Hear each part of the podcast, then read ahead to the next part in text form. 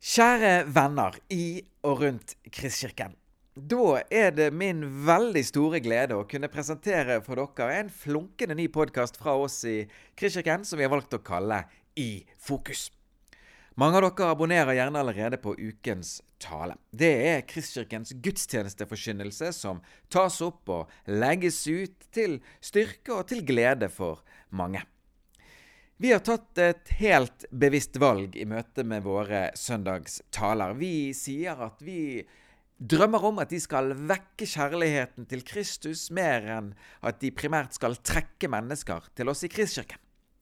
Men i det så tvinger det seg òg fram andre arenaer eller andre kanaler der vi kan få gi informasjon og inspirasjon om liv og røre i kristkirkekroppen.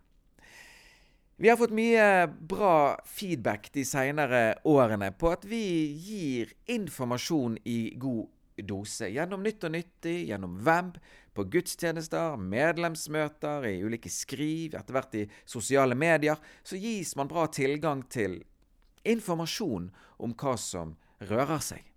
Men menighet er ikke bare organisasjon med et behov for informasjon. Menighet er òg organisme med behov for inspirasjon.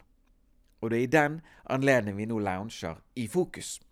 For minst én gang i måneden så vil det komme oppdateringer herfra. Nye episoder der vi vil søke å ta tempen på Kristkirken i Bergen. Vi vil prøve å få ord på bevegelser, tendenser og strømninger på liv og røre og virke.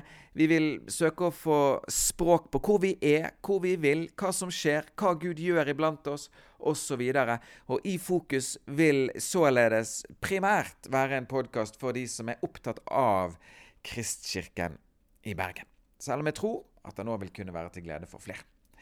I første omgang så blir det jeg, Håvard, som eh, sitter med spakene. Podkasten vil eh, kjennetegnes av tre sånne i-er. Vi har som mål å bringe inspirasjon, innsyn og intervjuer til tilhørende. Inspirasjon, innsyn og intervjuer. Vi tror og vi håper at du vil finne denne podkasten både artig og verdt å lytte til. Hjertelig velkommen i alle fall til denne nye podkasten I fokus.